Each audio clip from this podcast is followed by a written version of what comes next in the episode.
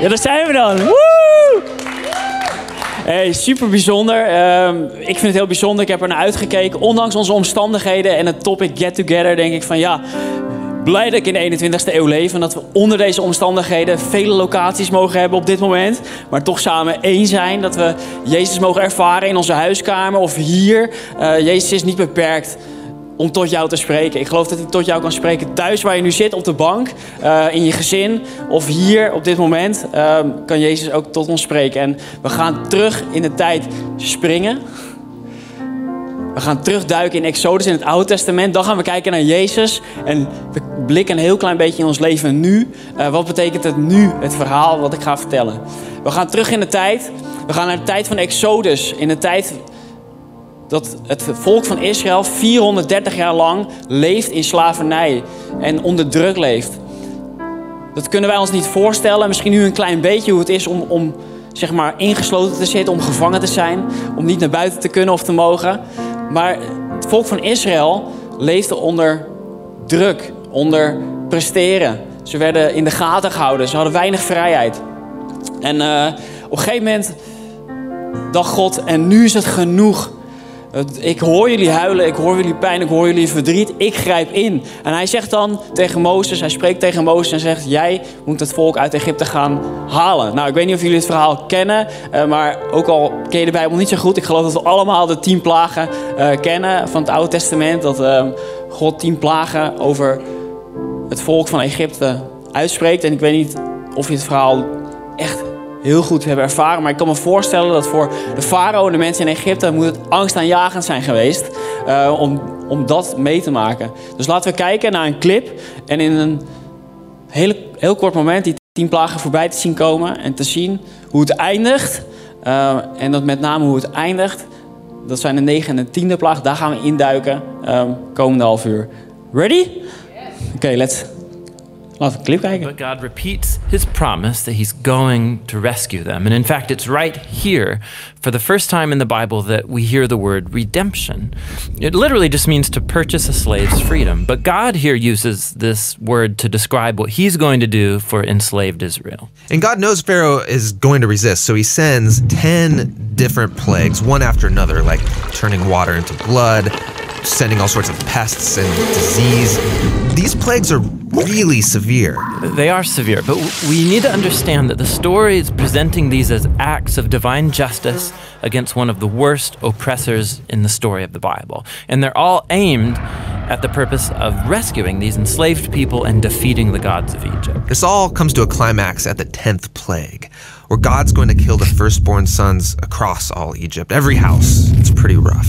It is, but it's also God's response for how Pharaoh killed the Israelite sons. Now, as you turn the page, you suddenly get two long chapters of detailed instructions for what's essentially throwing a dinner party with a recipe for a lamb. Yeah, but this lamb is super important. God tells the Israelites to pick it out and to prepare it to be eaten.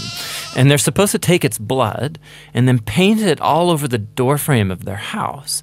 And anyone who is in that house will be spared from this final plague. And so this meal, which is called Passover, it commemorates this key moment in the story where God brings his justice on human evil, but also shows mercy by providing this substitute. Het is echt een, een verhaal, of niet? Het wordt eigenlijk heel relaxed en chill verteld. Dat ik denk van, wow, wat gebeurt hier? Weet je wel, het lam van God.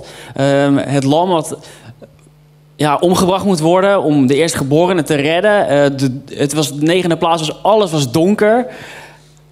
Je kan het jezelf soms bijna niet voorstellen hoe intens dat moet zijn geweest. En als ik denk aan de negende plaag, was het zo donker dat je in de Bijbel leest dat we geen stap konden zetten. Een paar jaar geleden was ik in Amsterdam in een restaurant dat speciaal gemaakt is om te ervaren hoe het is om blind te zijn. Een uur was ik er echt helemaal klaar mee, want het was zo donker. Uh, je kon niks zien, niks proeven. Je moet je echt voorstellen, wij kunnen zien. Maar op het moment dat je niks meer kan zien, hoe intens dat is. En uh, je kan je dan ook voorstellen dat de Egyptenaren heel pissig waren en boos waren, want in het huis van Israëlieten was het licht. Um, daar was het licht. En God geeft dan een opdracht aan de Israëlieten om zich voor te bereiden op de tiende plaag. En die opdracht vertelden niet waarom en wat, wat ze daarmee konden bereiken. Maar ze wisten wel dat hun eerstgeborene zou sterven bij de tiende plaag als ze niet zouden doen wat uh, God van hen vroeg. En dan lezen we in Exodus: zeg tegen de hele gemeenschap van Israël: op de tiende van deze maand moet elke familie een lam of een bokje uitkiezen. Elk gezin één. Houd dat apart tot de veertiende van deze maand. Die dag moet de voltallige gemeenschap van Israël die dieren in de avondschemer slachten. Dus, tiende van de maand moesten ze iets uitzoeken en op de veertiende moesten ze het slachten. Een lammetje in huis, vier dagen lang. Hoe zouden jullie daarop reageren? Ja, is toch wauw? Super schattig. Kijk, een paar weken geleden kwam ik uh, thuis met een lammetje. en het is een heel klein lammetje. Ik ga niet aan een touwtje trekken, want hij maakt ook nog geluid. Uh, maar dit lammetje, bedacht ik me vanochtend, laat zien hoe powerful een echt lammetje is. Want toen ik dit bij mijn dochter neerlegde en aan een touwtje trok, toen stopte ze simpelweg met huilen. Toen dacht ik, wauw. Dus ik was natuurlijk direct eigenlijk ook verliefd op dat lammetje. Ik dacht, dit is waanzinnig, toch? Je kind ligt te huilen, trekt eventjes en het lammetje en ze is helemaal verliefd. Ik was verliefd op dat lammetje. Maar stel je nou voor dat je een echt lammetje vier dagen in huis hebt. Ik denk dat het hele gezin, jullie allemaal verkocht zijn. Eh, maar um, waar je ook aan moet denken, als je er even wat dieper over na gaat denken, is dat je denkt van, ja, maar de perspectieven van iedereen zijn totaal verschillend. We hebben dus de kids, die denken, oeh, leuk, gezellig, spelen natuurlijk, vier dagen lang, dat schept een band. Dan hebben we nog de moeder, de broers en de zussen. Die waren natuurlijk wat ouder en die wisten wel wat er op het spel stond. Het bracht ze hoop, maar ze hadden tegelijkertijd vreugde van de, van de broers en de zussen en de kinderen. Ze hadden ook lol en plezier, maar ze wisten ook wat er komen ging. En dan heb je ook nog de vader. En de vader, die was zich ervan bewust dat het lammetje uiteindelijk geslacht moest worden. En toen dacht ik aan de volgende melodie.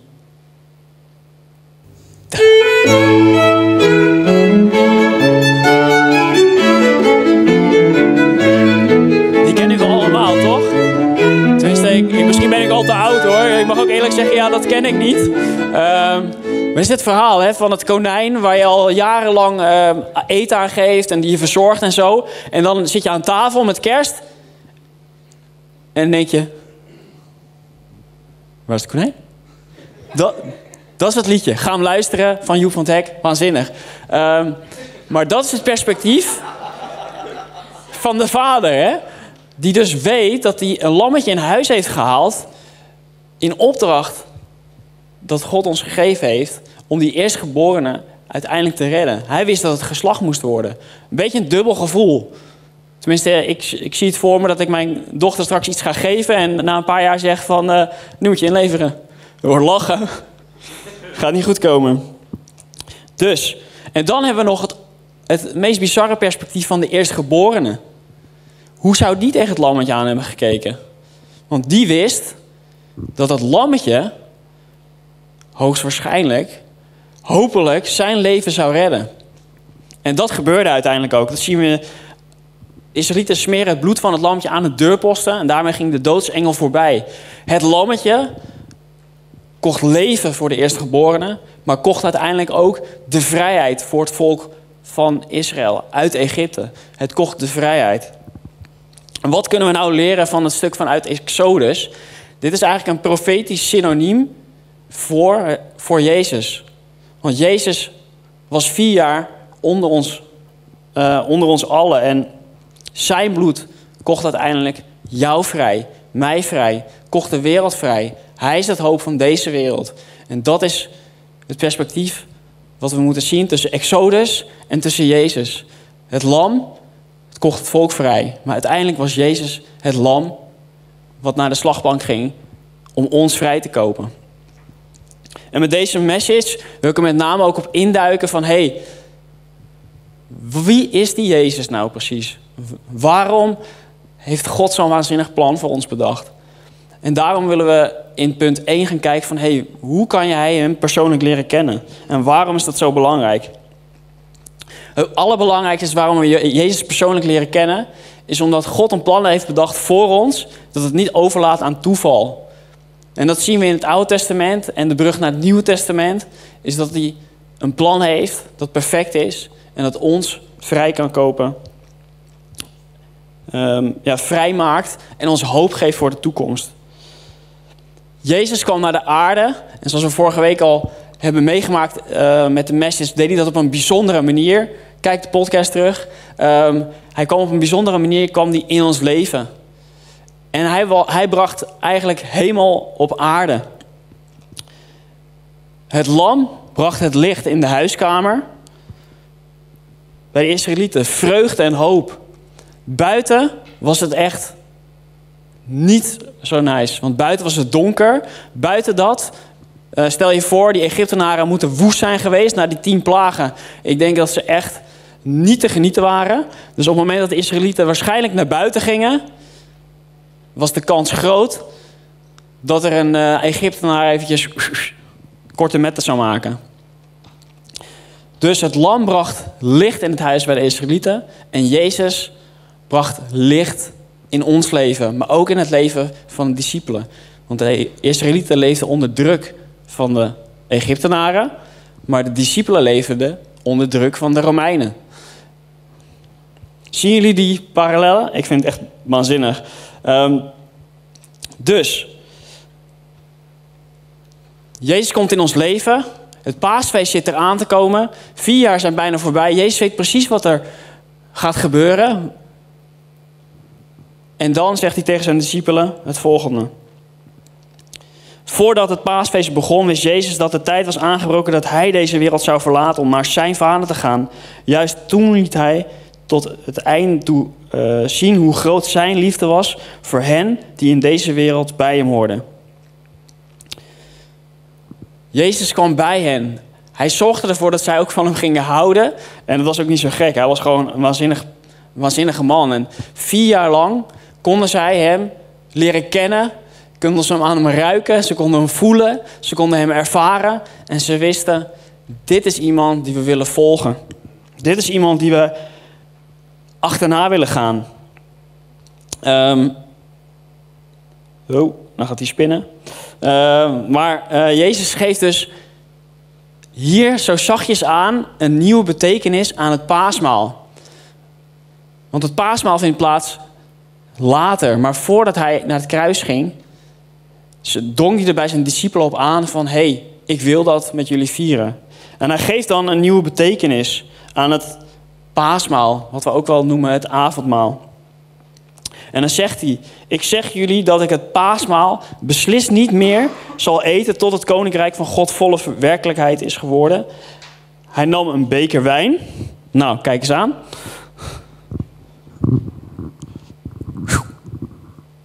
Multitasken. Hij nam een beker wijn.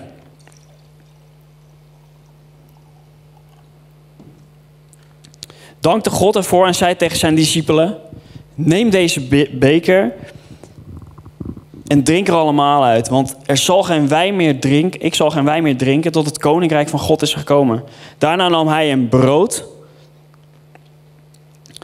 dankte God ervoor, brak het in stukken en gaf het zijn discipelen. Dit is mijn lichaam dat voor jullie wordt, wat voor jullie wordt gegeven, zei hij. Eet het ter herinnering aan mij. Na het eten gaf hij hun de beker en zei: Deze beker wijn is het teken van Gods nieuwe verbond met jullie. Een verbond dat wordt bekrachtigd door mijn bloed. Dat zal vloeien als een offer voor jullie. Ik vind het zo'n bizarre parallel dat het volk van Israël dat veel eerder meemaakte met het lammetje. En dan gaan ze eigenlijk het paasmaal voorbereiden en denken van nou, het wordt een hele gezellige avond. En dan komt Jezus ineens met zo'n statement. Dat je denkt van, hé, waar gaat dit heen dan? Wat staat er ons te gebeuren? Maar zij hadden hoop dat Jezus de Messias was. En ze geloofden ook in wat hij zei. De discipelen hielden dus ook enorm veel van Jezus. En ik denk dat ze het niet zo heel nice vonden en leuk vonden dat hij uiteindelijk aan het kruis ging.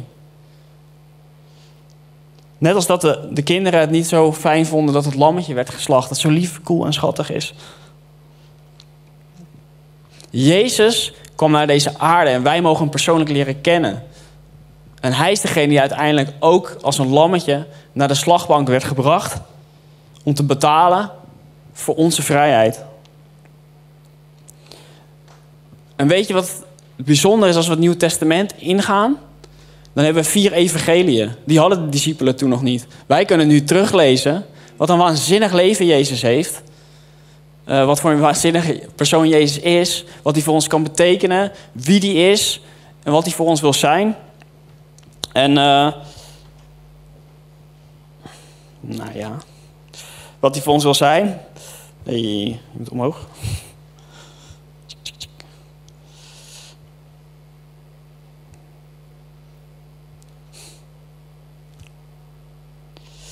Yes. Ja.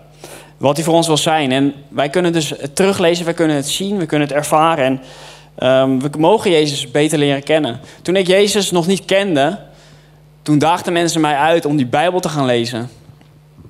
En uh, dat ben ik ook gaan doen. Ik begon ook in die vier evangeliën.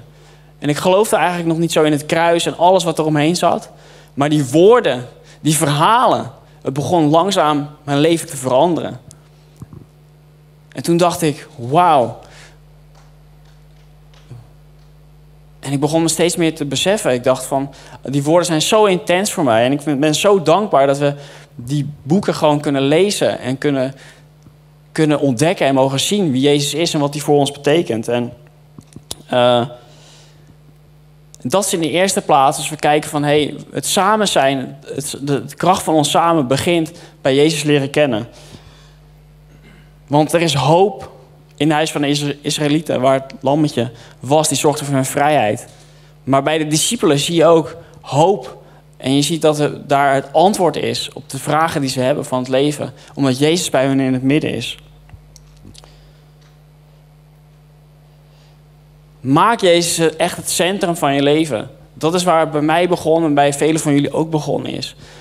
Leer Jezus kennen. Ga proberen hem echt te ervaren. Het is zo'n, um, zo bijzonder dat wij de Bijbel hebben. En, en dat wij het mogen lezen en mogen ontdekken. En dat we kunnen bidden en dat we direct contact hebben met God. Wij hebben die mogelijkheden. Omdat Jezus daarvoor betaalde. Spendeer tijd met hem. Soms klinkt het gek, maar je kan het bos ingaan, je kan op je fiets stappen, maar je kan tijd met hem spenderen. Je kan met hem praten, je kan over hem lezen, je kan zijn uitspraken kan je praktisch in je leven toepassen. En het verandert je leven. Echt. Dat durf ik eh, te zeggen met, met wie ik ben. Want ik sta hier omdat Jezus mijn leven veranderd heeft. Met de woorden die hij in zijn boek heeft geschreven. Hij heeft mijn identiteit teruggegeven. Ik ben niet meer afhankelijk van mensen die uh, wat over mij zeggen. Maar ik sta hier omdat ik geloof dat Jezus in mij gelooft en mij wil gebruiken. Dus leer Jezus kennen. Ja? Het tweede is, um, het is belangrijk om bij de familie te blijven. Je ziet, het, je ziet het in het Oude Testament ook, dat in die donker het familie komt bij elkaar en daar is het lammetje centraal. In het Nieuwe Testament komen de discipelen bij elkaar en staat Jezus centraal. Nu hebben we corona, maar jullie zijn thuis, uh, maar Jezus staat centraal. Wij zijn hier en Jezus staat centraal. We zijn onderdeel van een familie. En of het nou online is, offline. Liefst natuurlijk bij elkaar. is veel gezelliger dan allemaal thuis en uh, achter de buis. Maar wij zijn hier, we zijn samen, we zijn één, we zijn één familie. En uh, tijdens de negende plaag wordt het dus donker. Laat me voorlezen wat er staat. Mozes strekte zijn arm uit naar de hemel. En toen was heel Egypte in diepe duisternis gehuld, drie dagen lang. Drie dagen lang konden de mensen elkaar niet zien en kon niemand een stap verzetten. Maar waar de Israëlieten woonden was het licht. De Joden bleven in huis, want in het huis was bescherming, beschutting van de muren om zich heen. Buiten was het één, was het donker, maar wat ik net al zei, het was levensgevaarlijk om je op straat te begeven. Want er waren mensen die waren pisnijdig. Uh, en die waren wel in staat om uh, wat vervelende dingetjes te doen. Dus waar de Joden woonden, waar de Israëlieten woonden, was het gevaarlijk. Maar in de tijd van Jezus was het ook heel gevaarlijk. De christenen waren daar ook niet heel geliefd onder de Romeinen. Waren ook heel erg kwetsbaar. Maar wat we daar uit beide situaties dus kunnen leren, ehm, is dat niemand alleen was. Niemand was alleen.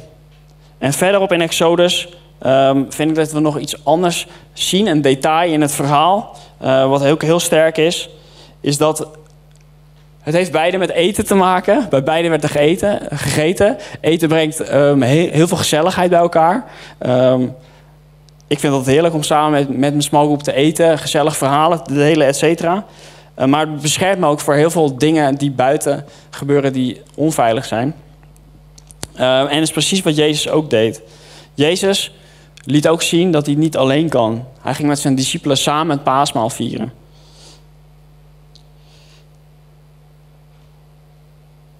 Dan lezen we in Exodus het gezin, gezinnen die te klein zijn om een heel dier te eten, nemen er samen, uh, nemen er samen met hun naaste buren één. Rekening houdend met het aantal personen en met wat iedereen nodig heeft. Nou, dat is uh, misschien wel echt een contrast met wat er nu gebeurt in de supermarkten. Uh, om maar even aan te halen. Weet je wel, alle wc-papier voor mezelf en voor mijn buurman niks. En ik sla hem de hersenen in. Uh, maar je ziet hier iets compleets anders. Hierin laat God ook duidelijk zien dat we niet egoïstisch moeten zijn, denk ik. Maar ook dat we ehm, het lam samen moeten opeten. Het is opmerkelijk dat er meer is dan voor één gezin. En uh, dan zou er eigenlijk zijn dat twee gezinnen samen. Um, ja, twee gezinnen moeten eigenlijk dus samen het lam opeten. Er is dus nooit gezegd dat het te weinig is voor één gezin. En daarmee haal ik eruit dat Jezus ook niet, of uh, Jezus ook meer dan genoeg voor ons nodig. Bij Jezus is er geen tekort. Hij heeft in overvloed voor ons. Maar het is belangrijk dat we daarom bij elkaar blijven.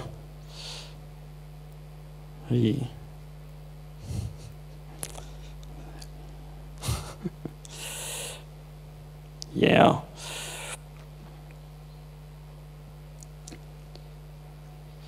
Dus Jezus geeft een bijzondere boodschap aan ons met de paasmaaltijd. En dat laat ook zien dat we bij elkaar uh, moeten blijven. Uh, waar, want het is belangrijk om te snappen waarom we dingen niet alleen moeten doen.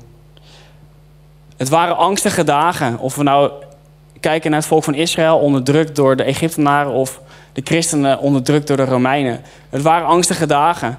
En ik weet niet hoe het voor jou is, maar soms is het voor mij ook als christen niet altijd easy zeg maar, om te vertellen waar ik voor sta. Er zijn altijd meningen, er zijn altijd mensen zeggen dit moet zo en het moet anders.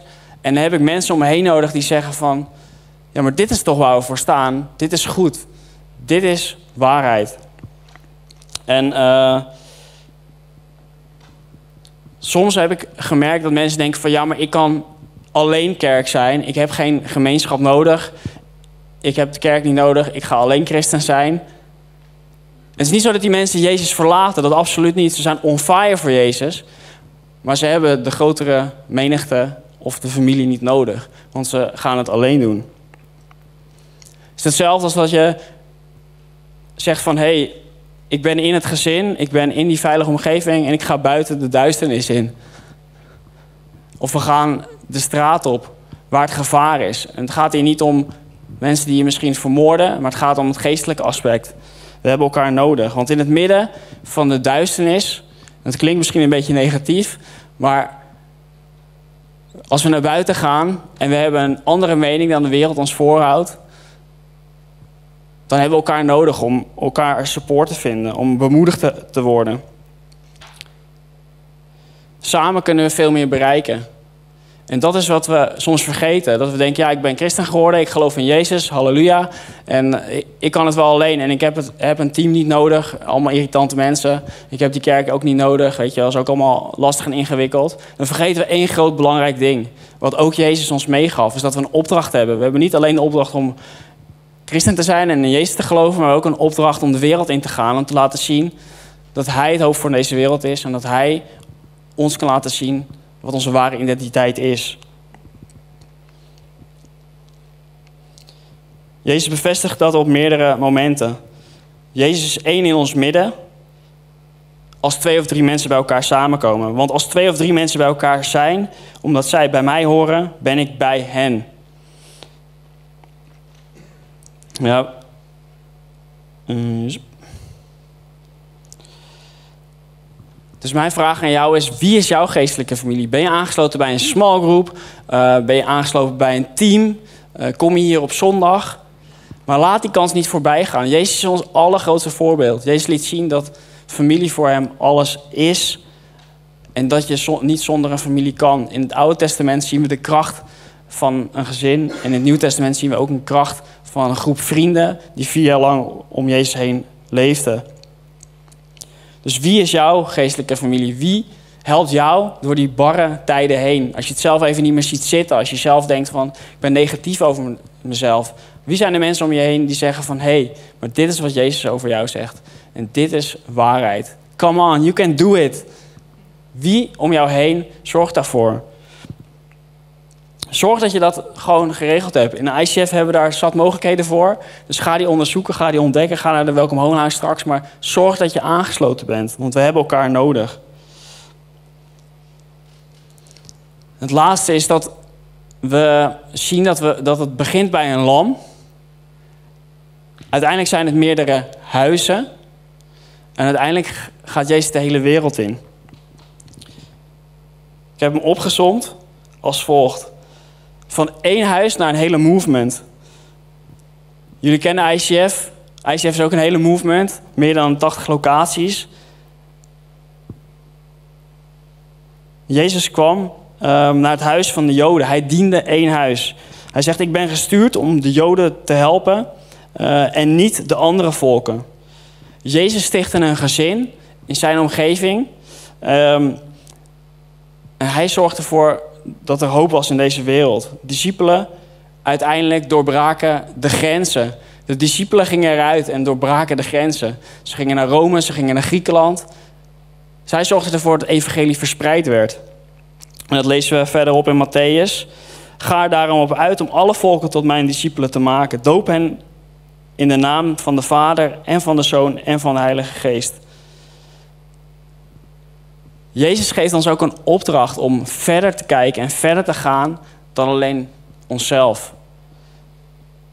Want je merkt dat nu, als we in zo'n situatie uh, zitten, zoals met corona, we hebben elkaar echt nodig. We moeten juist kijken hoe kunnen we met elkaar connecten, hoe kunnen we thuis Jezus ervaren, hoe kunnen we uh, onder de smalgroep Jezus ervaren op een manier zoals in de 21ste eeuw past. Um, door misschien wel ja, op Skype eh, samen te komen. Ik ben erg benieuwd deze week. Um, maar we hebben ook een opdracht. We kunnen niet thuis simpelweg blijven zitten. We hebben een boodschap om door te geven. En dat is ook de boodschap die uh, Jezus ons meegeeft. Hij diende uiteindelijk ook de rest van de wereld. Want we lezen ook nog iets over de Heilige Geest en handelingen. Maar als de Heilige Geest op jullie neerkomt, zullen jullie de kracht krijgen om de waarheid over mij te vertellen en aan de mensen in Jeruzalem. En ook in Judea en Samaria, zelfs tot in de uiterste hoeken van de, uh, uiterste hoeken van de wereld. En uh, als je dit zo allemaal bij elkaar ziet, dan zie je dat de basis van Gods plan van vrijheid begint bij het samen zijn. Het begon in Israël bij het, bij het gezin en het lam, dat hun eerstgeborene vrijkocht, maar het volk van Israël ook vrij, um, vrijheid gaf. En we zien het in het Nieuwe Testament dat Jezus vrijheid voor, de prijs voor vrijheid voor ons betaalde. Het plan is altijd samen. Samen kunnen we sterk zijn. En Jezus in ons midden zorgt ervoor dat we echt vrij zijn en vrij blijven. En Laten we met de situatie ook waarin we nu zitten. We hebben, elke week hebben we een moment dat we zeggen van... hé, hey, waar gaan we komende week voor bidden, vasten en waarin kunnen we geven? Uh, laten we met z'n allen ook daarin nadenken van... hé, hey, waar kan ik specifiek voor bidden? Waar kan ik voor vasten en waar kan ik echt in geven? En zelfs had ik ook te denken van... hé, hey, ik kan bidden voor mijn eigen relatie met Jezus... dat die sterker mag worden, uh, maar ook voor de mensen die naast mij zijn... Want we kunnen ook, eh, gesprekken kunnen ook op gang komen ineens met je buren, omdat iedereen thuis is en niet aan het werk is. Um, geloof dat Jezus daar iets bijzonders gaat doen en bid daarvoor. En, en ga die gesprekken ook aan. Aan de andere kant hebben we nog vasten. Weet je wel, dat zijn dingen die je misschien nu niet kan doen. Uh, misschien kan je niet uh, naar je sociale gelegenheden en heel veel tijd investeren in heel veel mensen. Maar wat kan je met die tijd wel doen? Kan je met die tijd iets doen als bijvoorbeeld zeggen van... hé hey Jezus, ik wil u leren kennen. Ik heb nog nooit het Nieuwe Testament gelezen, maar dat ga ik gewoon nu doen in die 40 dagen. De komende 40 dagen ga ik gewoon u nog meer leren kennen. Ik wil dat u nog sterker in mijn hart gaat leven. En die laatste is een stukje geven. Ehm, ik las gisteren een waanzinnig initiatief ook in Leiden dat uh, mensen die hulpbehoevend zijn, die kan je helpen. Uh, maar misschien zijn er mensen die uh, in je flat wonen of naast je wonen die niet naar de supermarkt gaan, kunnen gaan. Weet je, kan je die ook helpen. Maar we hebben elkaar nodig. En laten we Jezus in de focus zetten. Um, want met hem en hij is onze vrijheid. En daarmee um, kunnen we sterk zijn. Ik denk dat het cool is om met z'n allen te bidden, ook als je thuis zit. Um, ik zou zeggen, laten we met z'n allen hier gaan staan en thuis, weet je, gaan staan, laten we een statement maken. En zeggen van, hé hey Jezus, ik wil u nog meer in mijn hart gaan, gaan ontdekken. Ik wil gewoon echt een statement maken voor het vasten en voor um, ja, echt een stukje te geven. Zullen we gaan staan en uh, afsluiten? Jezus, dank u wel dat u ja, hier bent en dat u echt persoonlijk in ons hart leeft. En ja, ons gebed is dat we nog sterker en nog intenser mogen ervaren wie u bent. Want we mogen u leren kennen door het Nieuwe Testament te lezen, maar we mogen u nog beter leren kennen door u voor, naar u te gaan uitspreken waar onze verdriet zit, waar onze pijn zit. En u wilt met ons in gesprek komen. En soms lijken gebed maar woorden, maar het kunnen wel de krachtigste woorden zijn uit, uit mijn en jouw leven. Die uit te spreken naar Jezus. En hij kan iets doen. En maakt niet uit waar we zitten, waar we staan, in wat voor situatie we zijn. We hebben net gelezen dat de Heilige Geest in ons allemaal leeft. En dat u in ons bent. Um, en dat alles ja, in, een, in een fris dagleg gezegd kan worden als u tot ons gaat spreken. En dat wil ik ook vragen om de komende tijd, als wij tijd apart zetten met vasten. Um, iets persoonlijks opzij zetten, wat heel veel tijd en energie van ons vreet, maar te zeggen: nee, nu is het tijd voor mijn Jezus, nu gaan we daarin investeren. Dat we ook echt een bijzondere connectie gaan ervaren en gaan ontdekken. Misschien zijn er mensen naast ons die we ja, wel kennen, maar dat we hun noden niet zien. Uh, geef ons echt heldere ogen, geef ons een duidelijke visie om deze mensen te helpen op een gepaste manier. Uh, misschien kunnen we helpen ze boodschappen te doen, maar misschien kunnen we simpelweg echt het hoop zijn uh, die mensen op dit moment nodig hebben. Want wij hebben een geloof en, en wij weten dat u alles onder controle heeft en dat u met alles een plan heeft. Laat het ons dichter bij elkaar brengen, deze situatie komende tijd. Um, en laten ook echt um, de 21ste eeuw middelen gebruiken om u te ervaren en, um, en nog meer mooie dingen mee te mogen maken komende dagen. Ga met ons mee. Jezus, ik wil u danken dat u bij ons bent en dat we komende week echt nog meer van u gaan ervaren. Omdat we er gewoon op gaan staan, uh, dat u alles onder controle heeft. Amen.